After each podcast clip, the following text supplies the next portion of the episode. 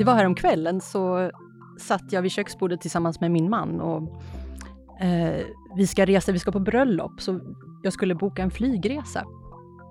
Och det visade sig att det var bara ett av de här lågprisbolagen som kunde flyga oss till det här stället som vi ska till.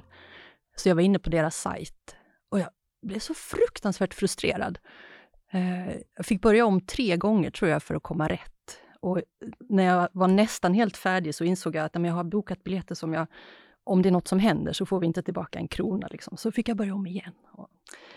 Och sen när vi väl hade kommit färdigt och skulle fylla i alla uppgifter eh, så var det liksom ingenting om pass, man bara fyllde i namn och förnamn och efternamn och sen var det färdigt. Liksom. Inte alls som jag var van vid sen tidigare.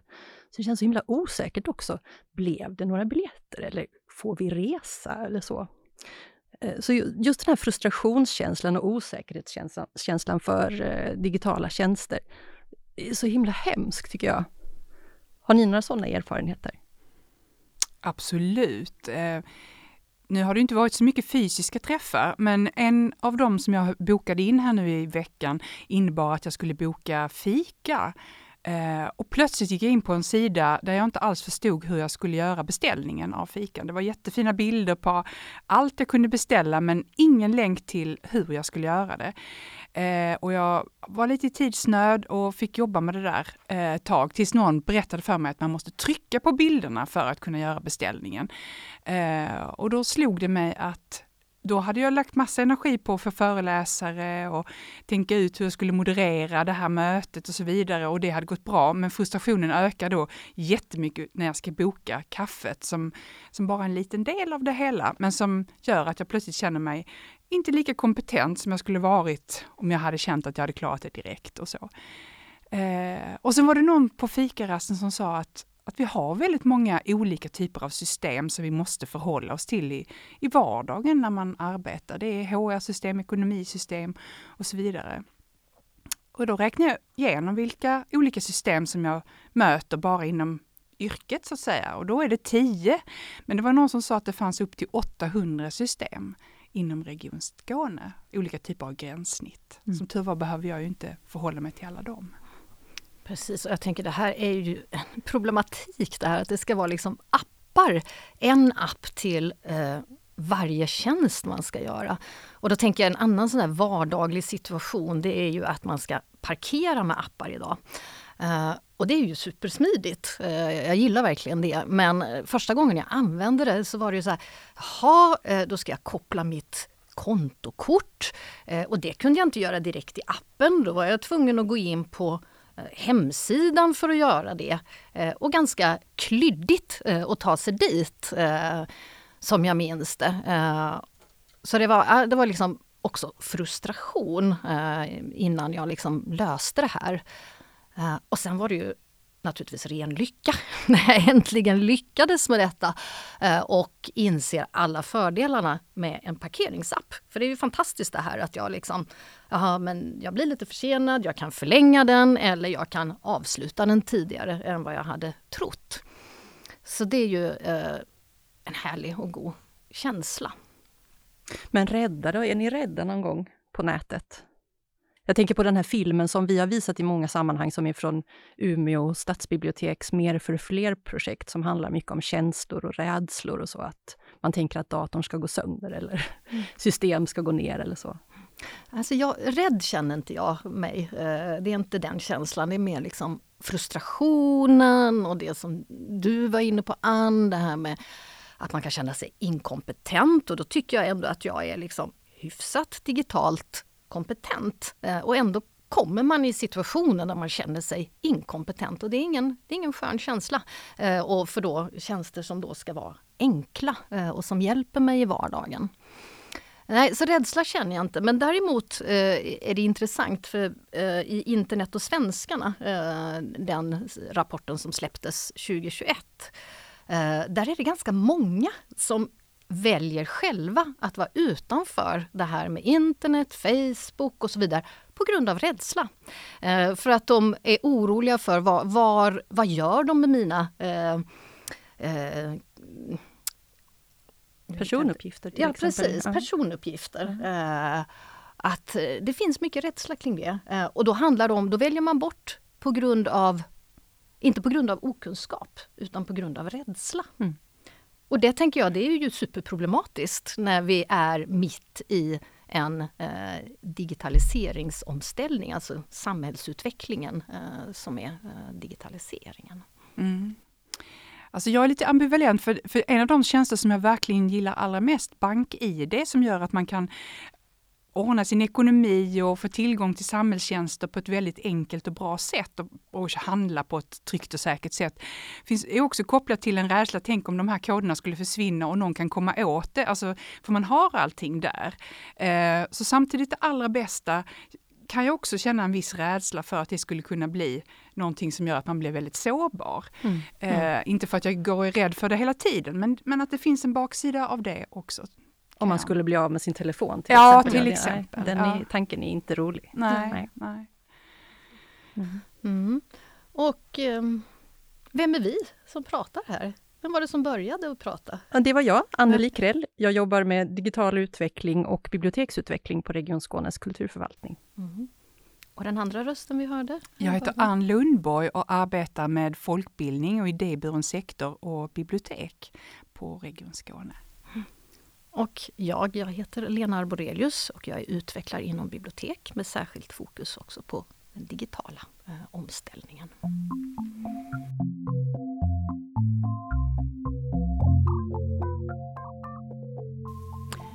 Uh, och jag tänker på det här med podd. Uh, vad tycker du Ann eh, om det här med podd? Vad är det som är så speciellt med just poddformatet? Nej men poddformatet är ju jättebra för det gör ju att man kan vara mobil, man kan röra sig och samtidigt lyssna på någonting, ett fördjupat samtal om något ämne som man eh, tycker är intressant. Eh, och jag brukar ofta lyssna på poddar när jag ute går, promenerar, väntar på tåget eller är utomhus helt enkelt. Eh, och jag lyssnar mycket på poddar som Sveriges Radio har producerat på olika sätt, men även andra poddar då. Mm. Att, mm. Mm. Är det något tips du vill skicka med? Något tips? eh, bildningspodden eh, mm. gillar jag. Eh, och sen har jag en filmpodd också som jag, som jag gillar som jag just nu faktiskt inte kommer, jag får återkomma med den, jag kommer inte ihåg den just nu faktiskt. Mm. Mm. Och du Anneli, tänker du kring poddar? Jag känner mig lite konservativ när det gäller poddar. Jag, jag ser det mer som att jag lyssnar på radio, eh, fast jag gör det via något poddgränssnitt eller någon app eller så. Eh, men mest lyssnar jag på Sveriges Radios, till exempel Spanarna och Stil och så. Eh, och jag gör det nästan aldrig när jag är ute och går. Eftersom jag också har hundar och sådär så, så eh, går jag med dem när jag går med dem. Liksom. Eh, utan mer i köket kanske, eller när jag ska sova. Det funkar väldigt bra tycker jag. Mm. Filmpodden var Evedal och Karlsson vill jag bara säga. Just det. Mm. Just det. Tack. Mm. Mm. Jag tycker också det är så fantastiskt det här med podden, att man kan för jag, jag, har svårt att bara sitta rakt upp och ner och lyssna på en podd så att jag brukar göra det när jag är ute och går eller när jag diskar eh, eller något sånt. Eh, och det som jag tycker så mycket om med podd det är ju just det här att man kan komma så nära i ett samtal. Att det är liksom att man känner den här, när den är som bäst så känner jag mig väldigt inkluderad. Eh, när det blir de här nära samtalen och det blir liksom en fin eh, dynamik mellan de som eh, pratar. Och apropå känslor som vi inledde med så lyssnar jag bland annat på en podd som heter Högkänslighetspodden. Och där är verkligen så här samtal där jag känner mm, de där vill jag bli kompis med, de som pratar.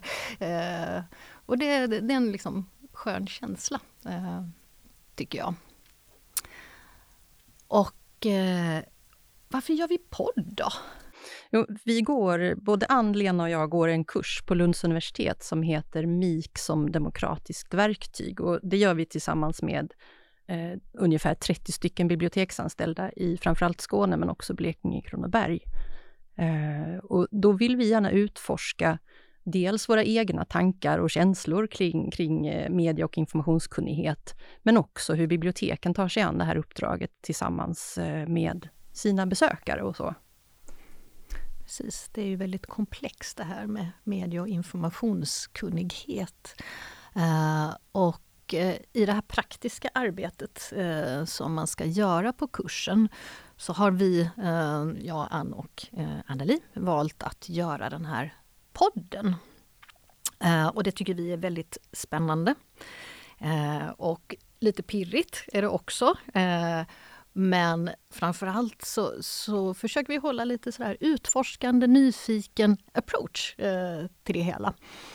Uh, och då kommer jag också tänka på ett begrepp som den praktiska filosofen Stina Bäckström uh, har droppat till mina öron. Det är någon annan som har kommit på ordet. Eh, och yrkeskonstnärlighet, eh, det innebär att till exempel den visar sig framför allt i, under kriser, så under pandemin när det blev andra förutsättningar för biblioteken och alla andra verksamheter eh, att då, då kommer det fram liksom nya sätt att förmedla, eh, i det här fallet eh, bibliotekens tjänster, verksamhet och så vidare. Där i kommer liksom det, det konstnärliga skapandet. Så det finns ju inom alla yrken. Jag tänker också att mycket av, många av de former som vi kommunicerar med eh, biblioteken i Skåne och bibliotekspersonalen i Skåne är ju såklart genom seminarium där vi fysiskt träffas eller digitalt där vi träffas. Men annars är det väldigt mycket kring via skrivande, nyhetsbrev och på eller Facebook och, och, och, och den slags kommunikation. Och det här blir ett annat typ av mer ett samtalande och det är mycket samtal som bedrivs på bibliotek också, så det är också en del av yrkes, kunnigheten, tänker just det här att, att föra de här samtalen och resonemangen. Absolut. Och jag sitter här och är lite nyfiken på, du som lyssnar på podden just nu, var befinner du dig? Sätter du upp en bok eller är du på väg ut till någon verksamhet med lådcykeln eller sitter du på tåget hem kanske när du lyssnar på det här?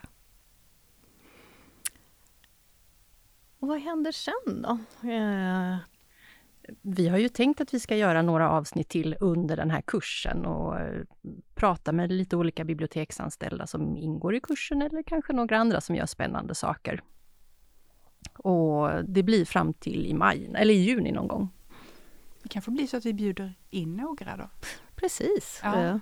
Jag kommer också ha ett särskilt fokus på eh, studieförbunden och, hur studieförbunden och biblioteken på olika sätt kan samarbeta kring det här MIK-uppdraget. Mm. Eh, så det får vi se om vi kan hitta någon från studieförbunden också. Precis. Mm. Och sen har vi satt ett namn på den här podden. Ska vi våga oss på att säga det? Ja. Samtidigt allihopa. Samtidigt verkar svårt. Men ja. Ett, två, tre. Bibbla babbel. Så välkommen att lyssna på oss igen. Tack för idag. Tack, Tack för idag. idag.